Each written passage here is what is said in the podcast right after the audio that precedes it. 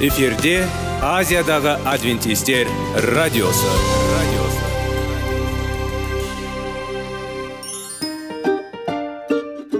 сәлем достар.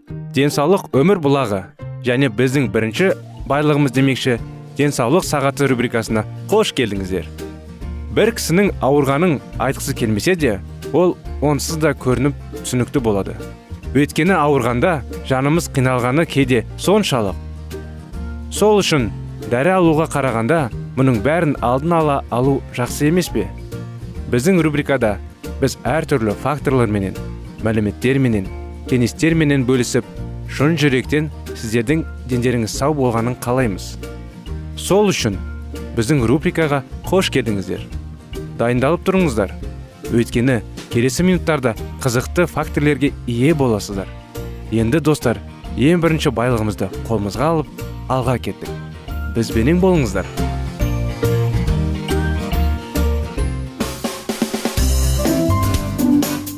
Денсаулық туралы хабар. Денсаулықтың ашылуы. Күн сайын сөз үшін күшті кеңестер соңғы жаңалықтар қызықты факторлар біздің рубрикада.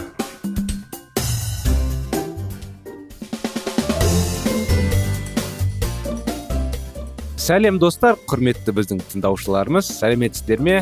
Біздің бағдарламаға денсаулық сағат бағдарламасына қош келдіңіздер. Арамызда жаңадан қосылып біздің бағдарламаны бірінші естіп жатқан тыңдаушыларымыз болса сіздерге де сәлем жолдаймыз. Біздің денсаулық сағат бағдарлама жайлы кішігірім айта кетсек денсаулыққа пайдалы кеңестер фактілер мәліметтер диалогтар әңгімелеп талдаймыз. Неліктен өйткені денсаулық өте маңызды ғой. Денсаулыққа қарап денсаулық болмаса адам енді кішкене әлсіреп мазасыз болып. Әрине денсаулық жақсы болса енді өмір де ұзақ болады. Қалып жағдайда әрдайым жақсы болады. Сондықтан біз қазіргі соңғы кездерде талдап жүрген тақырыптың тақырыбы десек болады. Ол дұрыс болмаса пайдалы әдеттер. Бүгінгі әңгімелесетініміз мен бірге тақырыбымыз жарқын түсті өнімдер жеу әдеті. Сіз таң қалуыңыз мүмкін. Бірақ азық түлікте тек витаминдік құндылығы ғана емес олардың пайдалығы түстерге де байланысты екен. Қалай енді дұрыс деп айтсақ болады азық түлікте ә, енді өзінде ғана емес түсінде де мысалы азық түліктер пайда пайдалы, пайдалы дейді ғой жеміс жидекте жеміс жидектің өздері ғана емес және де түстері пайдалы екен. Қызыл қызғылт сары сары жасыл күлгін бұл түстердің барлығы ғана емес көкөніс жеміс жеміс жер, жерінде біздің табақшаларда пайда болу керек. Бірақ барлық тәртіп бойынша. Неге бізге жарқын түсті өнімдер жеуге маңызды? Өйткені түсті өнімдерде қажетті пайдалы заттар бар. Мысалы с витамині сондай ақ антиоксиданттар мен фетонутриенттер иммундық жүйені нығайту үшін қажет. Бұл заттар қызғылт сары сары және қызыл көкөністер мен жемістерде бар. Жасыл өнімдерде д витамин магний мен индол қосылыстарын алуға болады. Олар рак алдын алады. Көк және күлгін түсте кептірілген жемістер мысалы финики және інжір клетчатка антиоксиданттар және в витамині бар. Яғни радуга диета көзді жарқын түстермен қуантып қана қоймай ағзаны қажетті пайдалы заттармен қамтамасыз етеді. Иммунитетті арттырады және аурулардан сақтайды. Бір жарқын түсті өнімдерді жегеніміз кезде не болады? Өсімдік тағамында фитонутриенттер деп аталатын химиялық заттар бар. Олар денсаулық үшін өте пайдалы және көптеген аурулардан қорғайды. Сонымен қатар өнімдерге жарқын түс береді. Әдемі әдемі жарқын тағам. Сонымен қатар оның тартымды сыртқы көрініс арқылы пайдалы. Өйткені сау тәбетті ынталандырады. Өйткені дәмдік рецепторлар көремендермен бірге жұмыс істейді. Көкөністер мен жемістерді витаминдер ғана емес. Сонымен қатар өсімдік бояғыштары да пайдалы етеді. Міне сондықтан бағдаршам қалай принципі бойынша тамақтана отырып сіз өз сұлулығыңызды ә, жастығыңызды және денсаулығыңызды ұзақ жылдар бойы сақтайсыз. Ә, жарқын түсті өнімдер болмаса не болады? Біздің азық түлік рационына енгізілген түс гаммасын талдау арқылы аурудың себебін анықтауға болады. Егер сіз анемиядан зардап шексеңіз онда тағам рационында қызыл түсті аз өнімдер бар. Сонымен қатар жаңа піскен көкөністер мен жемістердің жемістеушілігі ерте әжімдерге және терінің серпімділігінің нашарлауына алып келеді. Сондықтан диетологтар күн сайын 400-500 грамм жаңа піскен көкөністерді жемістерді көк пен жидектерді жеуге кеңес береді. Біздің диетарда диетада түрлі түсті тағамның болмауы денсаулыққа және біздің сыртымызға теріс әсер етуі мүмкін. Не істеуіміз керек? Қандай тәсілдер? Не істеуіміз керек сонда? Күн сайын жаңа піскен жемістер мен көкөністердің алтын 12 немесе одан көп бөлігін жеуге мақсат қойыңыз бір қарағанда бұл өте көп бірақ іс жүзінде бұл жоспарды ұстану қиын емес. Шыныға ең жарқын түстерді соның ішінде жасыл сары қызыл қызғылт сары және күлгін жинау керек. Түрлі түстердің ағзаға әсері әртүрлі. Сондықтан белгілі бір түстер тамақты тәлік уақытына қарай дұрыс пайдаланатынын білу керек. Қызыл және қызғылт сары күндіз кешке және түнде күлгілт сары және жасыл таңертең сіз күн сайын жейтін тағамның түсін бақылай отырып сіз өз денеңізді қамқорлық. Бірақ бұл қызықты көрінуі мүмкін. Тамақтың түсін бақылау сіздің көңіл күйіңіз бен денсаулығыңызды бақылау. Кей кезде кісілер айтады енді көз қорқақ деп қол батыр деп неге бұны мақалды енді бұған сәйкес келе ма сәйкес келмей ма неге бұны қозғадым? Өйткені расында да кейбір адамдар қалай ерінеді. Рас да шынымды айтайын ерінеді. Біз еріншекпіз өзіміз кей кезде көп бәрі деп айта алмаймын енді. Адамдар енді өзінің табиғаты бойынша кейбіреулер ер, еріншек қалай енді?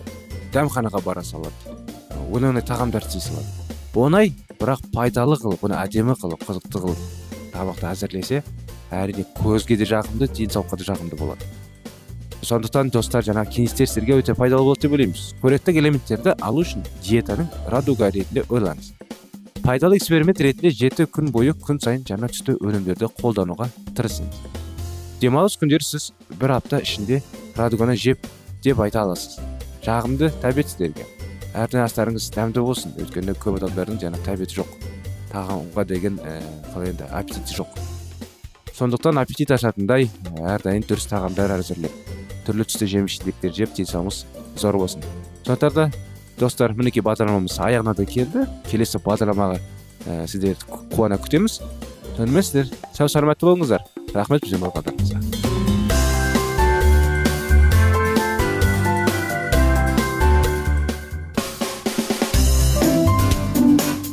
денсаулық туралы хабар. Денсаулықтың ашылуы. Күн сайын сөз үшін күшті кеңестер соңғы жаңалықтар қызықты факторлар біздің рубрикада.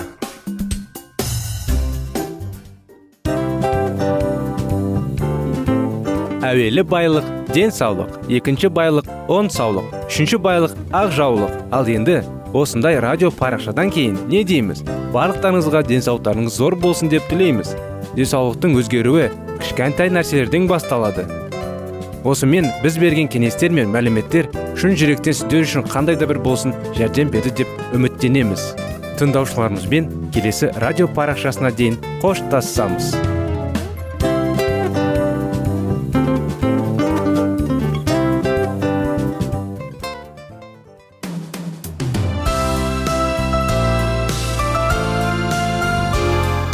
эфирде азиядағы адвентистер радиосы.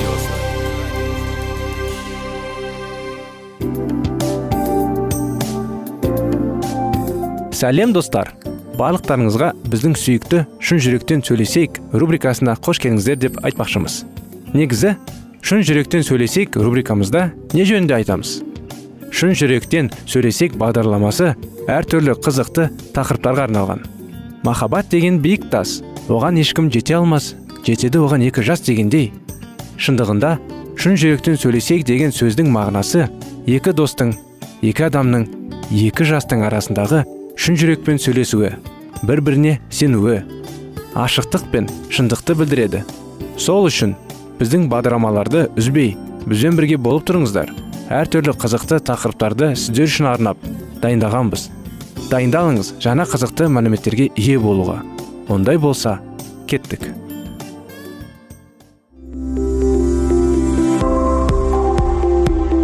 Алтын сөздер. Сырласу қарым қатынас жайлы кеңестер мен қызықты тақырыптар. Шын жүректен сөйлесейік рубрикасында.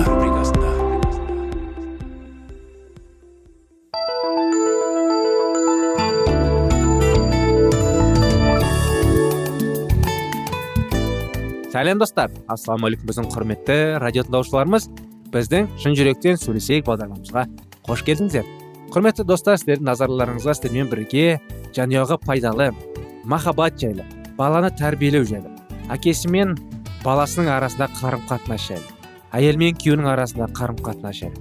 Қалай ата ананы дұрыс тыңдап оны түсінуге болатындай баланы қалай дұрыс тәрбиелеп оны түсінуге болатындай деген тақырыптарды көтеріп әңгімелейміз. Бүгінгі күнде сіздермен құрметті достар шектеулер жайлы кітабын оқып талдап жүрміз. Соны жалғастыра кетсек шектеулерге дұшпандықпен қарау. Өзімнің неліктен жоқ деп айта алмайтынымды түсінемін бе? Деді ларри көңілсіз күлімсіреп. Бұдан оңай еш нәрсе жоқ. Менің отбасымда әскери тәртіп болды. Әкемнің айтқаны заң еді. Кез келген қарсылық бүлік ретінде қабылданады. Мен тек бір рет қана қарсы шығып көрдім. Ол кезде тоғыз жаста едім. Сонда онбай таяқ жегенім есімде. Шектеулердің бүлінуінің екінші түрін анықтау біріншісіне қарағанда оңайырақ болады. Ол ата аналардың шекараларға жаулық көзбен қарауларының нәтижесінде өрбиді. Балалары өзінің дербездігін көрсетуге талпынса болды. Ата ана бірдене ашуға міндетті мұндай жаулық қатты сөздерден жазылудан немесе жағдайға сәйкес келетін салдардан көрінуі мүмкін. Кейбір ата ана балаларына сен тек менің айқандарымда ғана істейсің соны істейтін ғана боласың дейді және бұл әділ дейді. Құдайдың жоспары бойынша балалар үшін ата анасы жауап береді. Бірақ ата аналар жаңағы сөздеріне және сен осыны жақсы көретін болсаң дегенді қосады. Бұл баланың наразылығын тудырады. Себебі осы сөздері арқылы ата ана баланың өзгерден бөлек өзінің жеккен жан дүниесі болу құқығынан айырғысы келеді. Баланы осыны жақсы көруге мәжбүрлеу арқылы оны адамдарға ұнауға тырысатын адамға айналдырады. Кейбір ата аналарлар орнатуға талпынған шектеулерді жарытпайды. Олар мына секілді сөздерді айтады. Егер маған қарсы шығатын болса онда мен менің айтқанымды істей айт әйтпесе анаммен сағыласпа саған қарым қатынасыңды өзгерту қажет. Сенің ренішіңде еш себебі жоқ. Балалар ата анасының басшылығы мен бақылауының астында болулары тиіс. Ал егер ата ана баласын өсіп келе жатқан дербестігі үшін жазалайтын болса баланың тұйықталып қалуы әбден мүмкін. Шектеулер деген жаулық көзқарас. Құдайдың балаларды тәртіпке салуға қатысты ұстанымның сәтсіз көшірмесі. Тәртіпке салу бұл баланы тәртіпті болуға үйрету өнері. Бұған үйретудің құралы оның салдары болып табылады. Жауапсыз әрекеттің салдары. Баланың дұрыс әрекет жасауға итермелейтін қолайсыздық әкелуі тиіс. Менің айтқанымды істе әйтпесе өкініп қаласың деген секілді қатынас баланы тіл алқыш сияқты болып көрінуге үйретеді. Керісінше өзін таңда деу оны өз әрекеттері үшін жауапкершілікке булиды. Төсегіңді жина әйтпесе бір ай бойы далаға шықпайтын боласың. Деуді орнына төсегіңді жина. Сонда сенің компьютерде ойнауыңа рұқсат етемін. Төсекті жинамауыңа болады бірақ онда кешке дейін компьютердің жанына жақындамайтын боласың деген дұрыс болады. Бала тіл болу үшін қандай нәрселерге шыдау керектігін өзі таңдау құқығы бірледі құдайдың жоспарына сай тәртіп жазаламайды. Ол үйретеді. Келі кітап бұл жайында былай дейді. Әке шешелеріміз өз пайдаларынша белгілі бір шектеулер уақыт аралығында жазалап та тәрбиелесе құдай бізді нағыз игілігіміз үшін басымызға қиыншылықтар туғызып тәрбиелейді. Осылайша өзінің қасиетті болғанындай бізде де қасиетті етуді көздейді. Кезінде әрбір жаза қуаныш емес реніш туғызады. Ал соны басынан өткізіп тәрбиеленгенде ол кейінірек әділдік пен тыныштықтың игіліктің жемісін береді. Әрине әр ата жаңағы келтірілген мысал сияқты балалар тәрбиелейді қалай? Мен сенің жаныңды шығарамын сен бүйтемін бүйтпесең бүйтемін сөйтемін деп баланы ұрсады. Бір шын талағын шығарады. Әрине баланың ой пікірін сана сезімін құртады. Сүйіспеншілік дегенді мүлдем ұмытуға болады ондай жерде. Егер де ата ана баласының айтқанға келіспеуін құлақ аспауын немесе өз дербестігін көрсетуге ұмтылу дұрыс қабылдайтын болса онда сол арқылы оны үйрену мүмкіндігіне айырады. Әрине ата ана балаға өзінің туған баласын дұрыс көзқараспен қарап оны дұрыс бағалап оны дұрыс тәрбиелеу керек ұрмай соқпай әрине түсіндіріп түсінбесе арнайы бір өзінің ұнайтын ойыншықтары орнайы бір арнайы бір қызықшылықтары бар. Серуендеу мысалы жақсы көреді далаға шығатын бір жоспарлары болады. Соның бәрін шектеу қойып оған дұрыс істеген нәрсені істетуге болады. Мысалы бөлмеңді жина дегендей. Бөлмеңді жинамасаң далаға шықпайсың болмаса досыңмен кездеспейсің болмаса жаңағы алдыңдағы келтірген мысал сияқты компьютерге жоламайсың мұндай жағдайда бала жауапты іс әрекет пен өз қалауларын қанағаттандыруды уақытша кейінге шегере тудың жақсы жақтары бар екенін біле алмайды.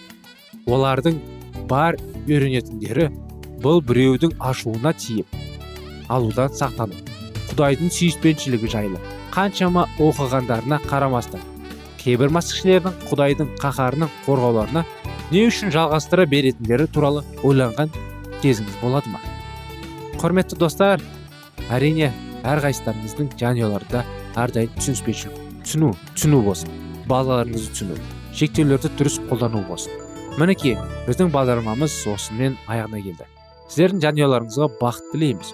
Бір біріңізді түсінетіндей тәсілдер тілейміз. Сіздерді енді келесі жолға шақырамыз келесі бағдарламаға. Келесі бағдарламаға шейін сау сәлемет болыңыздар.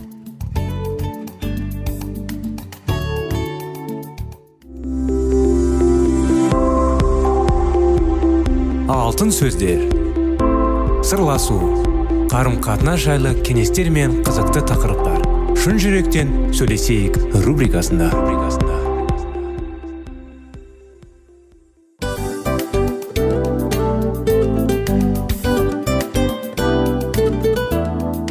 Құрметті достар барлық ең соңғы кеңестер аяқталған соң біздің программамыз соңына келіп қалды.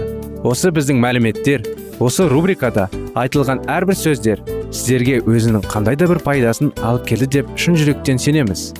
Және бұдан да көптеген рубрикаларымыз бар.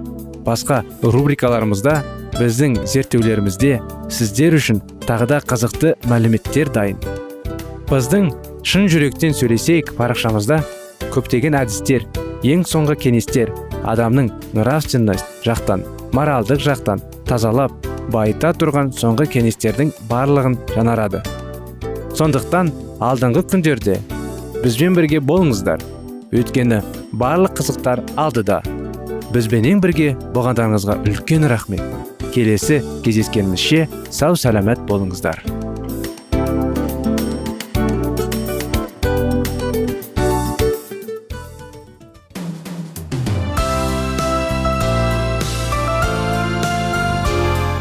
Эфирде азиядағы адвентистер радиосы.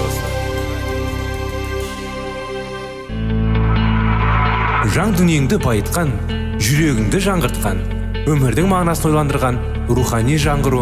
Рубрикасы.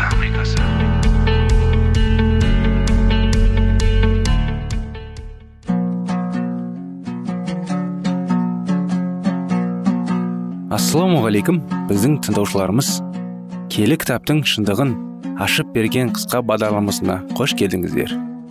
Барлығынан жоғары жаратушы біздің қарыңғылықта жалғыз қалдырып қойған емес.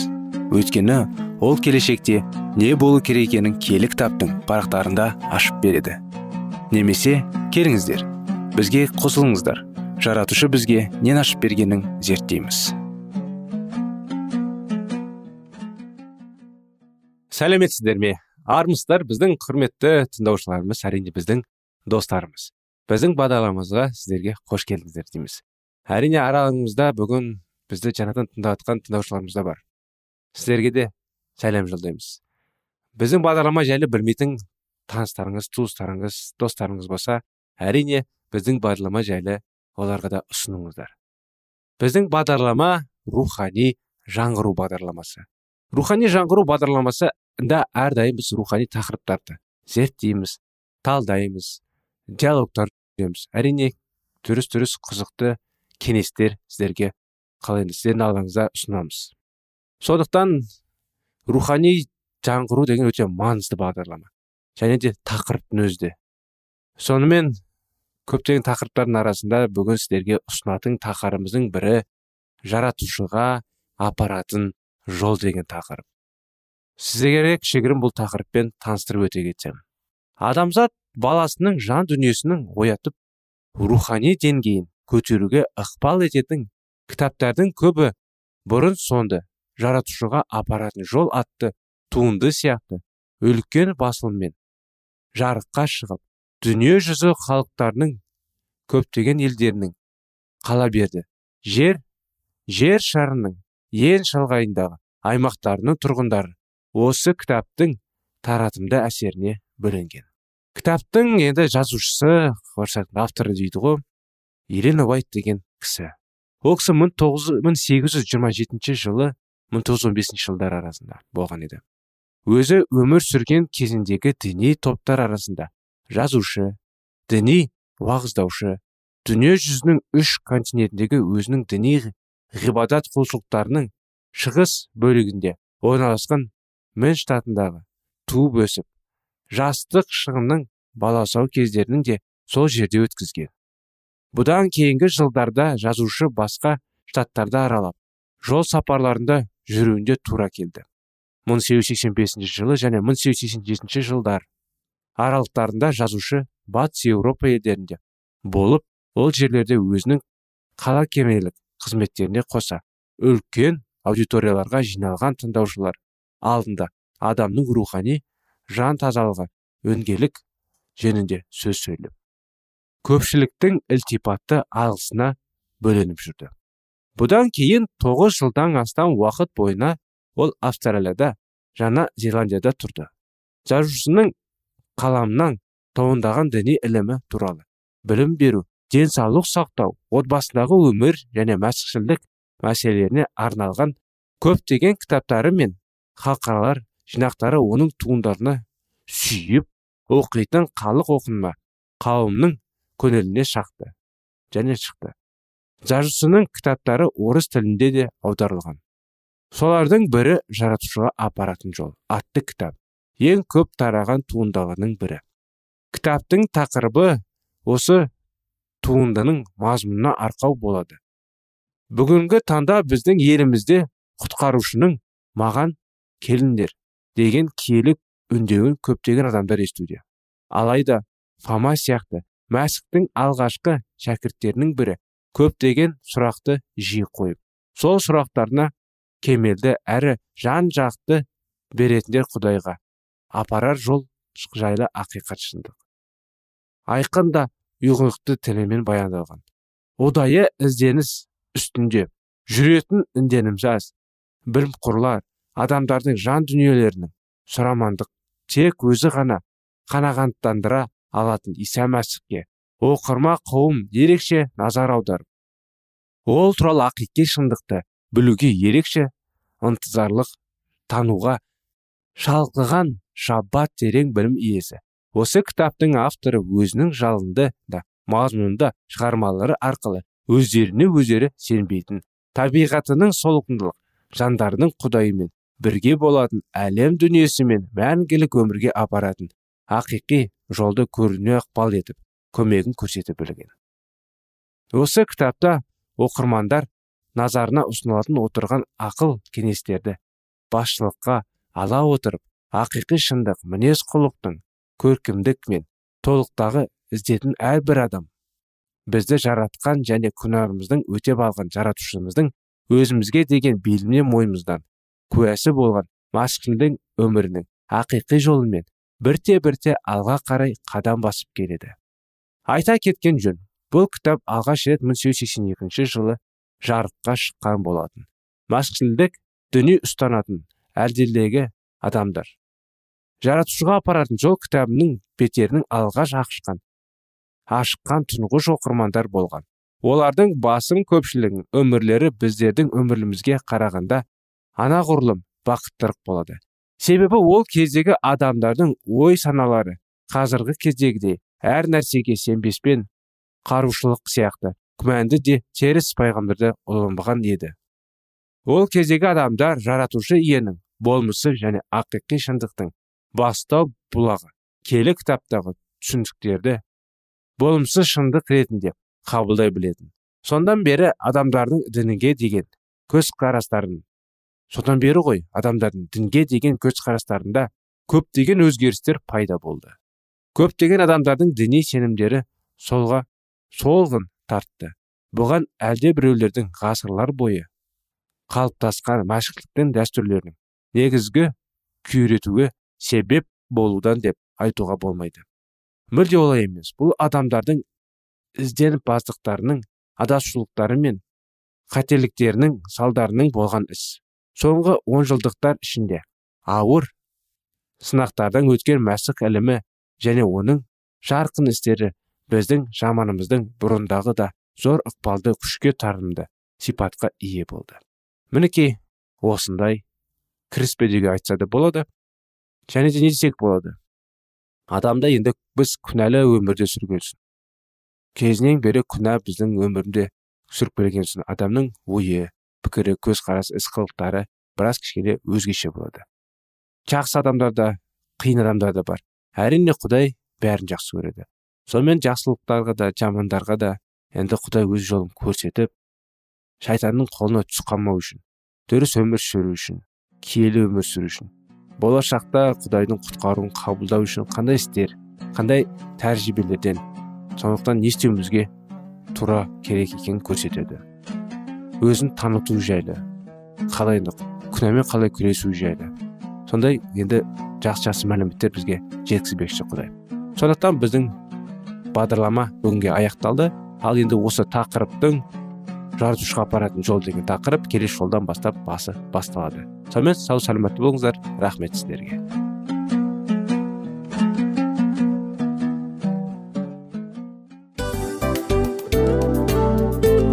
Достар біздің радио парақшамыз өзінің соңына келіп те қалды.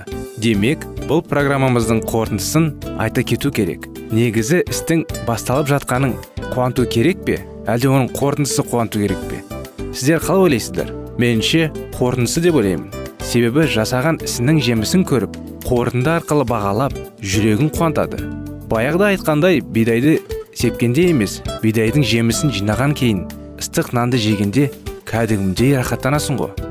Осымен біздің бағдарламамыздың аяғында тыңдаушыларымыз қандай пайда алды екен деген ойдамыз. Егерде өткен сфераларда пайдалы кеңес алған болсаңыз біз өзіміздің мақсатымызға жеткеніміз. Бүгінгі 24 сағаттың алтындай жарты сағатын бізге бөліп ардағаныңыз үшін рахмет. Келесі кездескенімізше қош сау болыңыздар. Достар біздің базарма бойынша сұрақтарыңыз болса әрине сіздерге керекті анықтама керек болса біздің whatsapp нөмірімізге хабарлассаңыздар болады. Плюс бір үш жүз бір жеті жүз алпыс алпыс жетпіс. Иә достар сіздер қателеспедіңіздер. Бұл біздің номерлерге ұқсас болмаса да бұл whatsapp номер арнайы. Хабарласыңыздар сұрақтарыңызды қойып тұрыңыздар анықтаманы алып тұрыңыздар. Плюс бір үш жүз бір жеті жүз алпыс алпыс жетпіс whatsapp номері